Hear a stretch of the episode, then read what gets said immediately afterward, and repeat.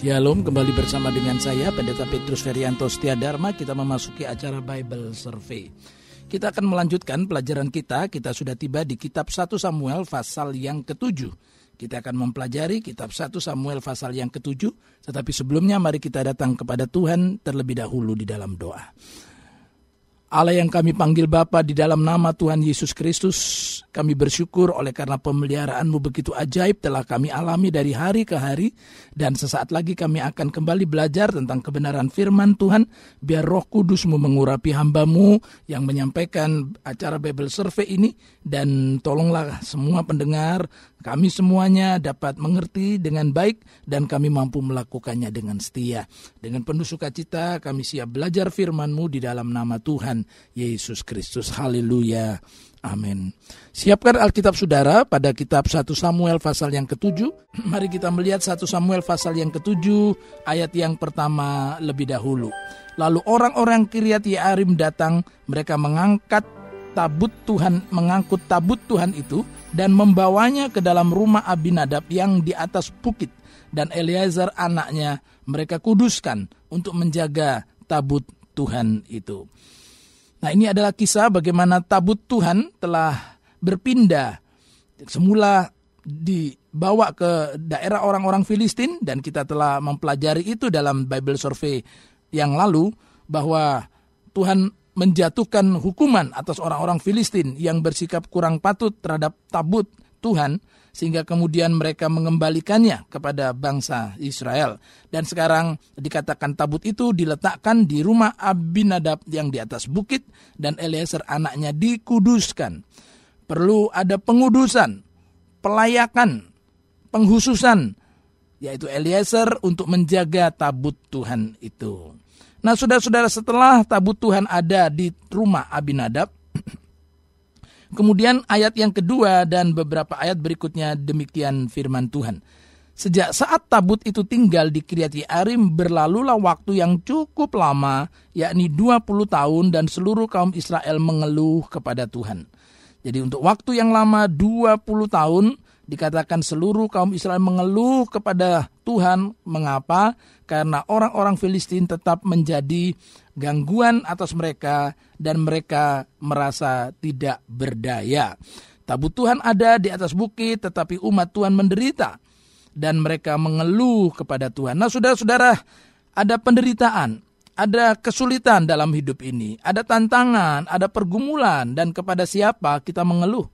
Datangnya pergumulan, datangnya kesulitan, datangnya tantangan hidup bisa karena kekeliruan, kesalahan daripada kita sendiri, tetapi Tuhan tetap mau menerima keluhan daripada anak-anaknya.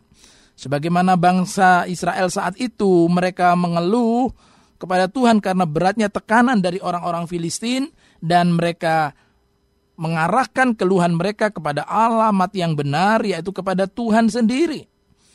Dan firman Tuhan berkata siapa yang berseru kepada Tuhan akan diselamatkan yang berseru kepada Tuhan dengan segenap hati tidak akan dipermalukan. Jika kita berseru kepada manusia, manusia bisa mengecewakan kita. Kita berseru kepada manusia, manusia justru bisa kadang-kadang menghakimi kita tanpa mengerti pergumulan kita yang sebenarnya. Tetapi jika kita mengeluh kepada Tuhan, mungkin bisa ada teguran daripada Tuhan, tetapi kemudian Ia akan memulihkan kita. Nah, apa yang dilakukan oleh hamba Tuhan yaitu Samuel ketika mereka datang kepada Tuhan tentu melalui Samuel dan Samuel memberikan arahan sebagai berikut. Ayat yang ketiga, lalu berkatalah Samuel kepada seluruh kaum Israel demikian, jika kamu berbalik kepada Tuhan dengan segenap hati, maka jauhkanlah para Allah asing dan para astoret dari tengah-tengahmu dan tujukan hatimu kepada Tuhan dan beribadalah hanya kepadanya maka ia akan melepaskan kamu dari tangan orang Filistin. Nah, saudara-saudara Samuel memberikan nasihat, Samuel memberikan ajuran, Samuel memberikan bimbingan jika memang kamu berbalik kepada Tuhan dengan segenap hati, sudah-sudah berbalik kepada Tuhan dibutuhkan. Jika mereka mengharapkan pertolongan daripada Tuhan, mereka harus berbalik kepada Tuhan dengan segenap hati, tidak seperempat, tidak setengah, tapi segenap hati. Lalu bentuknya apa? Berbalik kepada Tuhan dengan segenap hati, menjauhkan para Allah asing dan para astoret dari tengah-tengah mereka dan menunjukkan hati mereka kepada Tuhan dan beribadah hanya kepadanya. Rupanya saudara saat itu mereka ada yang beribadah kepada Tuhan tetapi tidak dengan segenap hati. Mereka tidak hanya beribadah kepada Tuhan, Tuhan iya tetapi yang lain-lain juga iya. Tuhan iya tetapi mereka tetap percaya kepada dewa-dewa ala-ala asing kepada para astoret. Nah saudara-saudara inilah yang membuat Tuhan tidak dapat bekerja di tengah-tengah umatnya. Kita tidak bisa menduakan Tuhan dengan beribadah kepadanya di sebagian hati kita, sementara sebagian hati yang lain kita tujukan kepada prinsip-prinsip dari kepercayaan-kepercayaan yang justru bertentangan dengan kebenaran firman Tuhan. Dan saya melihat ada orang-orang Kristen yang hidup seperti ini. Ketika mereka berkata saya beribadah kepada Tuhan, yaitu hari Minggu.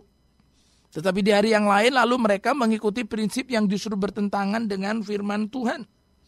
Mereka percaya kepada penghitungan-penghitungan hari. Mereka percaya kepada tahyul-tahyul. Bahkan mereka percaya kepada kuasa-kuasa kegelapan. Tidak sedikit orang yang mengaku percaya kepada Tuhan tetapi juga meminta petunjuk ramalan dari orang-orang yang dianggap bisa memberitahu kepada mereka apa yang terjadi di masa depan. Mereka tidak menyerahkan hidup mereka sepenuhnya kepada Tuhan. Tujukan hatimu kepada Tuhan dan beribadalah hanya kepadanya. Nah, jika ini dilakukan, jika mereka berbalik dengan segenap hati, jika mereka menjauhkan para Allah asing dan para astoret, jika mereka hanya beribadah kepada Tuhan, menunjukkan hati mereka sepenuhnya kepada Tuhan, maka kata Samuel, Tuhan akan melepaskan mereka dari tangan orang Filistin. Nah sekarang saudara-saudara, sesudah Samuel memberikan anjuran nasihat ini, berarti sekarang tinggal sikap daripada orang-orang Israel. Apakah mereka mau mengikuti nasihat dari Samuel, pemimpin rohani ini? Karena ada pemimpin rohani sudah memberikan arahan, tetapi ada umat yang tidak mau mendengar, tidak mau menaati. Oh ya Pak, itu prinsip firman Tuhan, tapi saya tetap pada prinsip saya yang lama. Atau yang kedua, umat Tuhan bisa kemudian melakukan sesuatu seperti yang Samuel katakan, sehingga kemenangan itu dapat mereka raih. Semuanya merupakan hasil dari pilihan mereka sendiri. Perhatikan sekarang ayat yang keempat apa yang mereka lakukan. Kemudian orang-orang Israel menjauhkan para Baal dan para Astoret dan beribadah hanya kepada Tuhan. Nah, berarti apa saudara-saudara? Mereka mau menerima nasihat daripada Samuel. Beratnya tekanan yang mereka alami karena penindasan dari orang Filistin membuat mereka rela menjauhkan para Baal dan para Astoret dan mereka kemudian berbalik kepada Tuhan dengan segenap hati dan beribadah hanya kepada Tuhan. Nah, syarat ini dipenuhi oleh umat Tuhan. Nah, ketika syarat ini dipenuhi oleh umat Tuhan, maka saudara-saudara, karena Tuhan tadi berjanji jika mereka kembali dengan segenap hati, ia akan melepaskan mereka, ia akan memulihkan mereka, ia akan menolong mereka, maka Allah pasti akan menggenapi janjinya. Karena persyaratan itu telah dipenuhi. Jadi sebenarnya saudara-saudara ada janji Tuhan di dalam kebenaran firman-Nya, yaitu janji yang bersyarat semacam ini. Jika kamu begini, aku akan begini. Tetapi jika itu tidak dilakukan, lah bagaimana? Karena apa saudara-saudara? Karena Allah kita adalah Allah yang bekerja hanya jika umatnya berbalik sepenuhnya kepadanya. Lalu Samuel memberikan petunjuk lebih lanjut ayat yang kelima. Lalu berkatalah Samuel, kumpulkanlah segenap orang Israel ke Mispa, maka aku akan berdoa untuk kamu kepada Tuhan. Ayat 6, setelah berkumpul di Mispa, mereka menimba air dan mencurahkannya di hadapan Tuhan. Mereka juga berpuasa pada hari itu dan berkata di sana kami telah berdosa kepada Tuhan. Dan Samuel menghakimi orang Israel di Mispa. Nah sesudah saudara-saudara mereka meninggalkan dewa-dewa asing, Baal, Astoret, mereka hanya beribadah kepada Tuhan. Nah dalam peribadahan itu perlu ada pengakuan dosa. Perlu ada kesadaran bahwa selama ini kami telah berdosa. Dikatakan mereka berpuasa, mereka berkumpul di sana sebagaimana dikatakan oleh Samuel di Mispa. Mereka menimba air dan mencurahkannya di hadapan Tuhan. Ini adalah satu simbol saudara mereka memperoleh sesuatu dari bumi ini air lalu mereka limpahkan dalam di hadirat Tuhan dengan tanda mereka mau menyerahkan sepenuhnya kepada Tuhan. Nah, satu tindakan simbolis ini sudah sudah diikuti dengan pengakuan kami telah berdosa kepada Tuhan. Nah, sudah-sudah berbagai bentuk konseling yang dilakukan oleh hamba Tuhan terhadap saudara-saudara seiman bisa dilanjutkan hanya jika ada pengakuan kebersalahan. Seringkali saudara kecenderungan umat manusia adalah ketika kita mengalami sesuatu, kita cenderung untuk menyalahkan orang-orang lain, menyalahkan pihak-pihak lain, bahkan menyalahkan Tuhan. Sebenarnya ada prinsip yang sederhana yang firman Tuhan katakan, yaitu di dalam surat 1 Yohanes pasal 1 ayat yang ke-9. Jika kita mengaku dosa kita, maka ia adalah setia dan adil. Sehingga ia akan mengampuni segala dosa kita dan menyucikan kita dari segala kejahatan. Jika kita mengaku dosa kita, pengakuan dosa menjadi syarat Syarat apa? Datangnya pengampunan dari Tuhan, datangnya penyucian dari Tuhan. Jika kita mengaku dosa kita, Allah itu setia dan adil. Artinya apa ya? Kalau kamu ngaku, ya tentu Tuhan akan ampuni dan bukan hanya diampuni, hati kita kemudian disucikan dari segala kejahatan. Nah, sudah-sudah itu berarti bahwa Allah memaklumi keberadaan kita sebagai orang berdosa, tetapi tentu kita tidak bisa lalu tetap bergelimang di dalam dosa dan kemudian kita tidak mengakui dosa itu di hadapan Tuhan. Tanpa pengakuan tidak akan ada pengampunan. Nah, Samuel saudara-saudara berkata, mari kita berkumpul di Mispa dan bagaimana setelah kamu ada di hadapan Tuhan?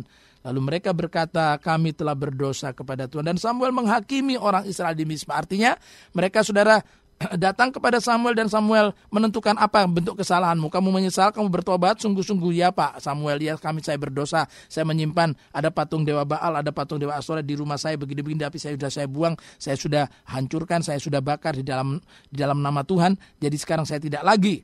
Nah, saudara-saudara, ketika mereka sudah mengaku dosa dan Samuel menghakimi mereka di Misbah, lalu ayat yang ketujuh. Ketika didengar orang Filistin bahwa orang Israel telah berkumpul di Misbah, majulah raja-raja kota orang Filistin mendatangi orang Israel. Serta didengar orang Israel demikian, maka ketakutanlah mereka terhadap orang Filistin.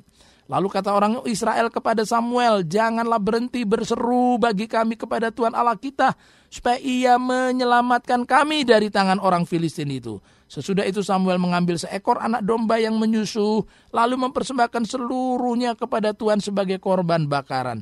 Dan ketika Samuel berseru kepada Tuhan bagi orang Israel, maka Tuhan menjawab dia.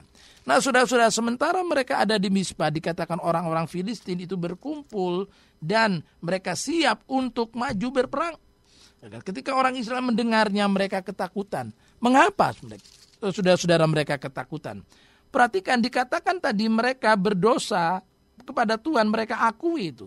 Bahwa mereka telah berdosa kepada Tuhan sudah mereka akui dan Samuel menghakimi orang Israel. Tapi dari tadi kita tidak mendengar adanya pernyataan Tuhan mendengar doa mereka. Itu berarti bahwa mereka masih belum memiliki kepastian, belum memiliki kepastian tentang pertolongan Tuhan. Tetapi ketika Samuel melanjutkan, saudara-saudara dengan mempersembahkan anak domba yang menyusu, seekor anak domba yang menyusu dipersembahkan kepada Tuhan sebagai korban bakaran. Lalu Samuel berseru kepada Tuhan bagi orang Israel, maka Tuhan menjawab dia.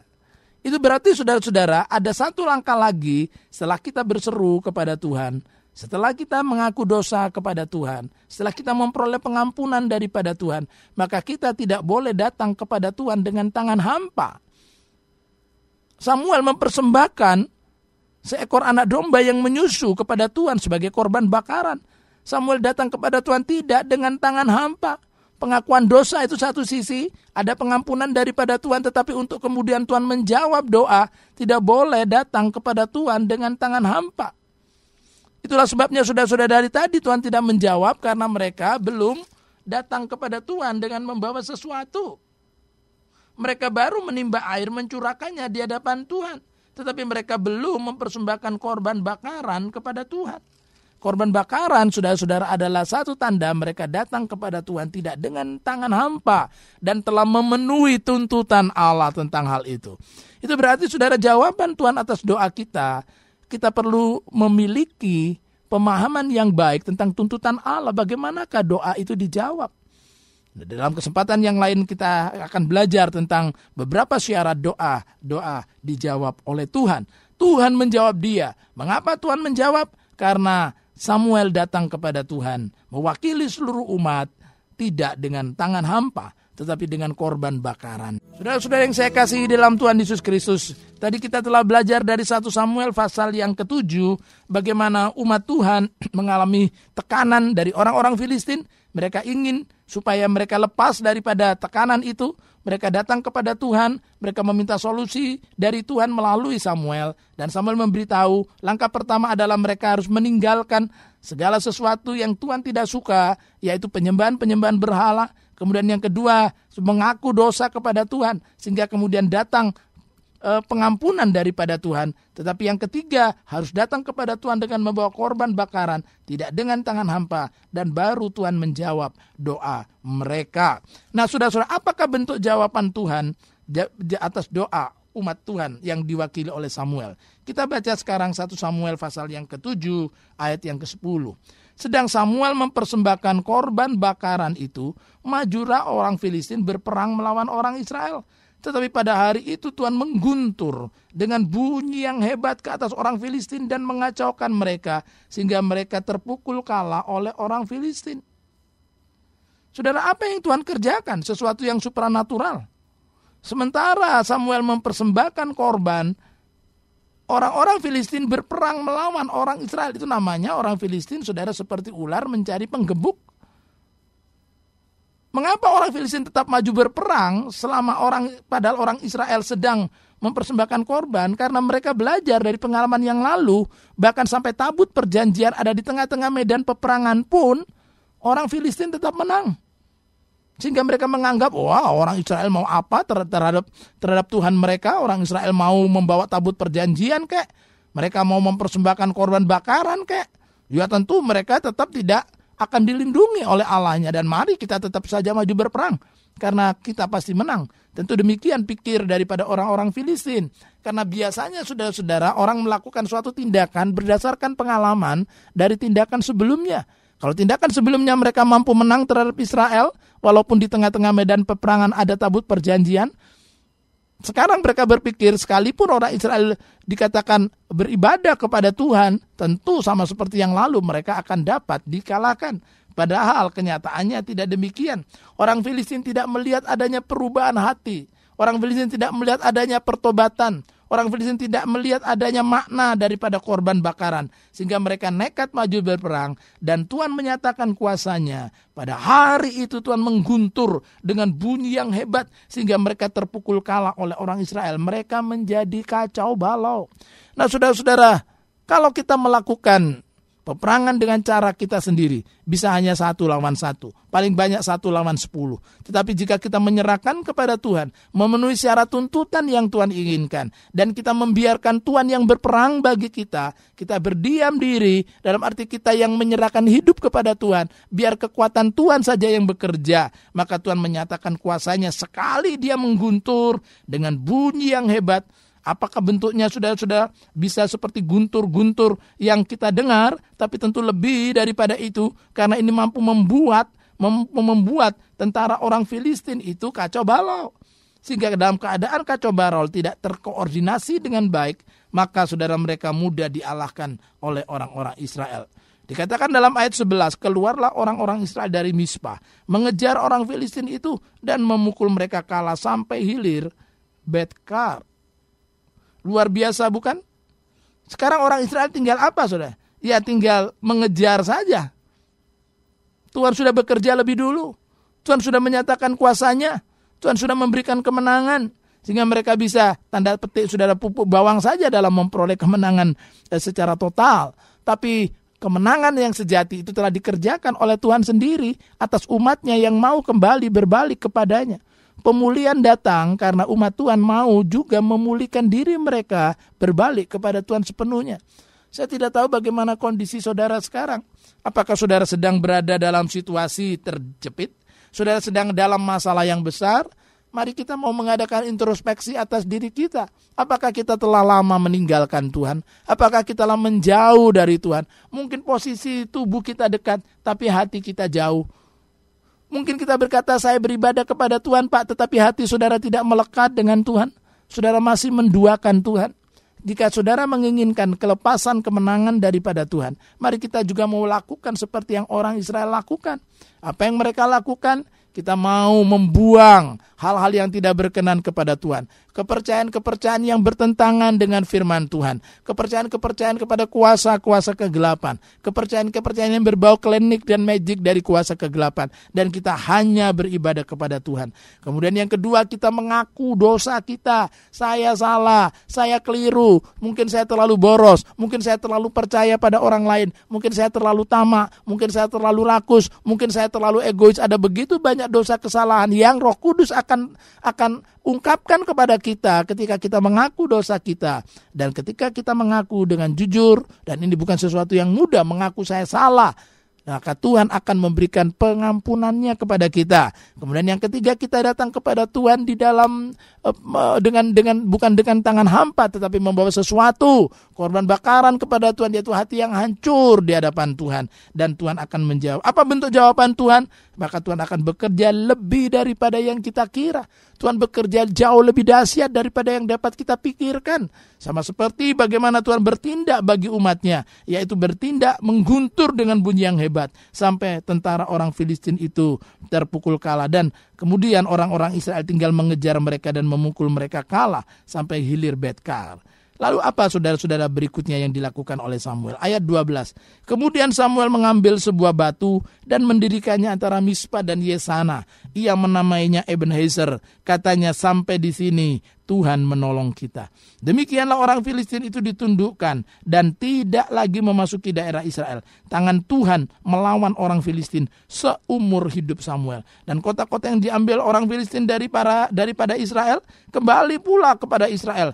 Mulai dari Ekron sampai Gad dan orang Israel merebut daerah sekitarnya dari tangan orang Filistin. Antara orang Filistin antara orang Israel dan orang Amori ada damai. Nah, saudara-saudara kita lihat di sini Samuel mendirikan sebuah batu, mengambil sebuah batu didirikan antara Mizpah dan Yesana dinamainya Ebenezer. Inilah asal mula kata Ebenezer yang sering kali digunakan oleh lembaga pelayanan, nama-nama gereja. Sudah-sudah sampai di sini Tuhan menolong kita. Sampai di sini Tuhan menolong kita. Sudah-sudah sadari siapa yang telah membuat saudara ada sebagaimana saudara ada sekarang?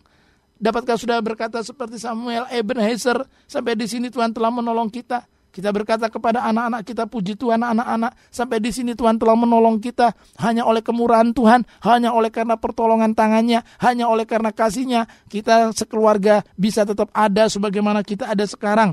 Ini adalah pernyataan saudara-saudara penuh kerendahan hati. Sampai di sini Tuhan menolong kita, artinya bahwa tanpa pertolongan Tuhan kita tidak bisa sampai di sini.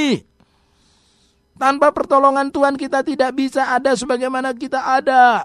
Tanpa pertolongan Tuhan kita tidak akan memperoleh kemenangan.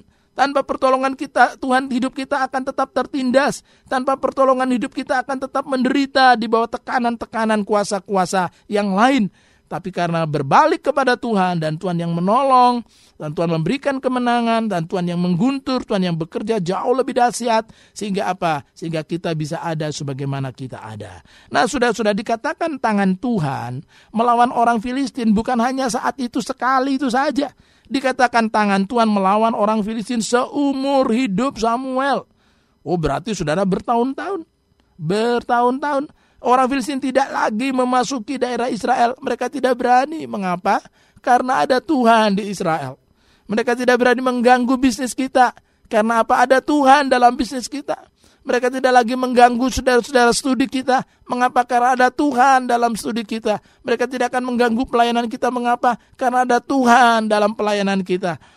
Orang-orang Israel mengalami keamanan. Mengapa? Karena tangan Tuhan yang melawan orang Filistin. Tangan Tuhan yang melindungi mereka. Dan apa yang sudah diambil oleh orang-orang Filistin dikembalikan. Mulai dari Ekron sampai Gad. Sudah sudah dikembalikan dan dikatakan orang Israel merebut daerah sekitarnya dari tangan orang Filistin. Jadi ada yang direbut, ada yang diserahkan, ada yang rebut, ada yang diserahkan. Sudah-sudah semua kota-kota yang dulunya diambil oleh orang Filistin sekarang dapat kembali menjadi milik daripada umat Tuhan. Sudah-sudah adakah sebagian harta yang Tuhan percayakan kepada saudara pernah diambil oleh orang lain? Lalu saudara merasa tertekan, saudara merasa tidak ada jalan keluar karena selama ini itulah sandaran uh, uh, bukan sandaran tetapi uh, materi itu yang dapat menolong saudara untuk melanjutkan kehidupan.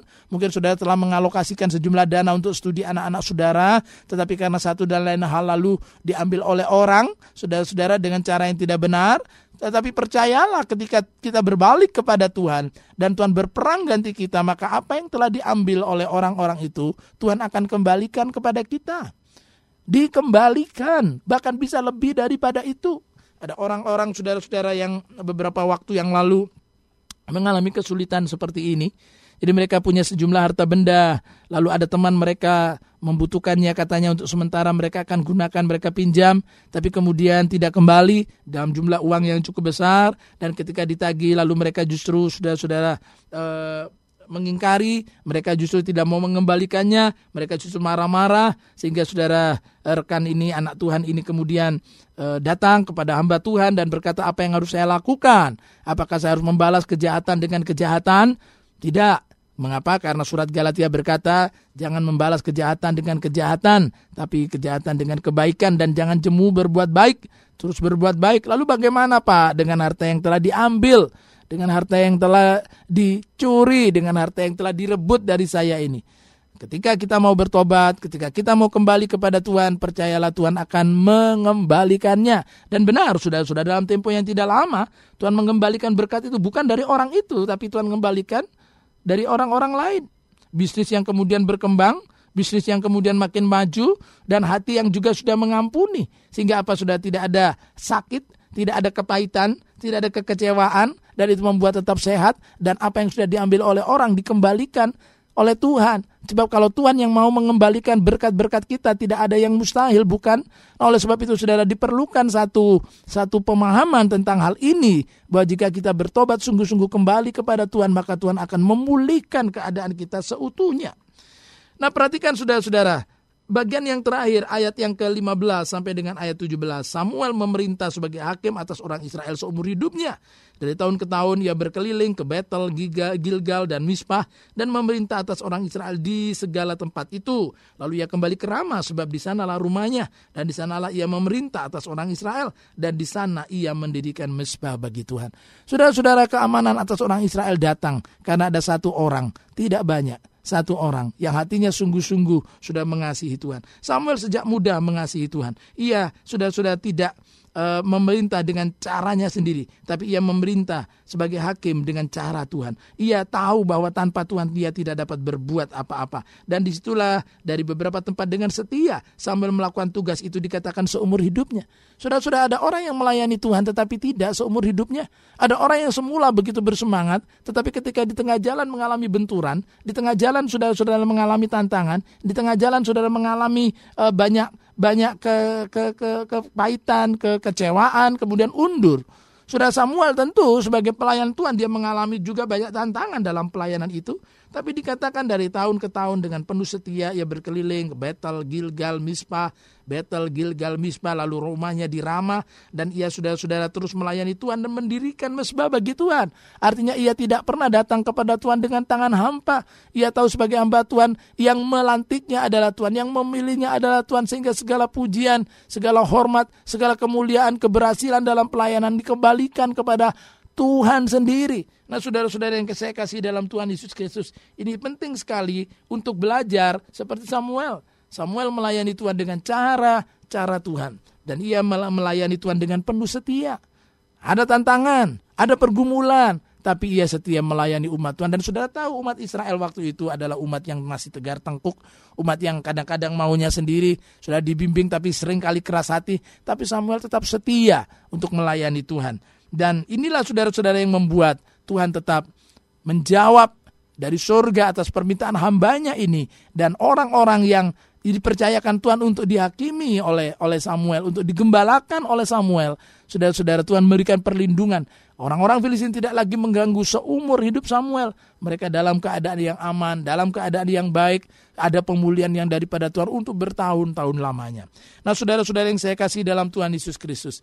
Pelajaran yang penting dalam hidup kita. Dari renungan pada acara Bible Survey saat ini adalah mari kita mau berseru kepada Tuhan. Mari kita mau kembali kepadanya, beribadah hanya kepada dia. Mari kita mau mengaku dosa kita. Mari kita datang kepada Tuhan tidak dengan tangan hampa. Dan kemudian menyerahkan seluruh masalah dalam tangan Tuhan. Tuhan bertindak lebih daripada yang dapat kita pikirkan. Dan tindakan daripada Tuhan luar biasa. Apa yang telah diambil orang dari hidup kita dikembalikan oleh Tuhan. Dan kemudian kita belajar tentang makna kesetiaan dalam pelayanan. Ada tantangan, ada pergumulan dalam pelayanan, tapi tetap setia karena Tuhan yang kita layani adalah Tuhan yang telah lebih dulu setia kepada kita. Biarlah kiranya Tuhan memberkati kita sekalian.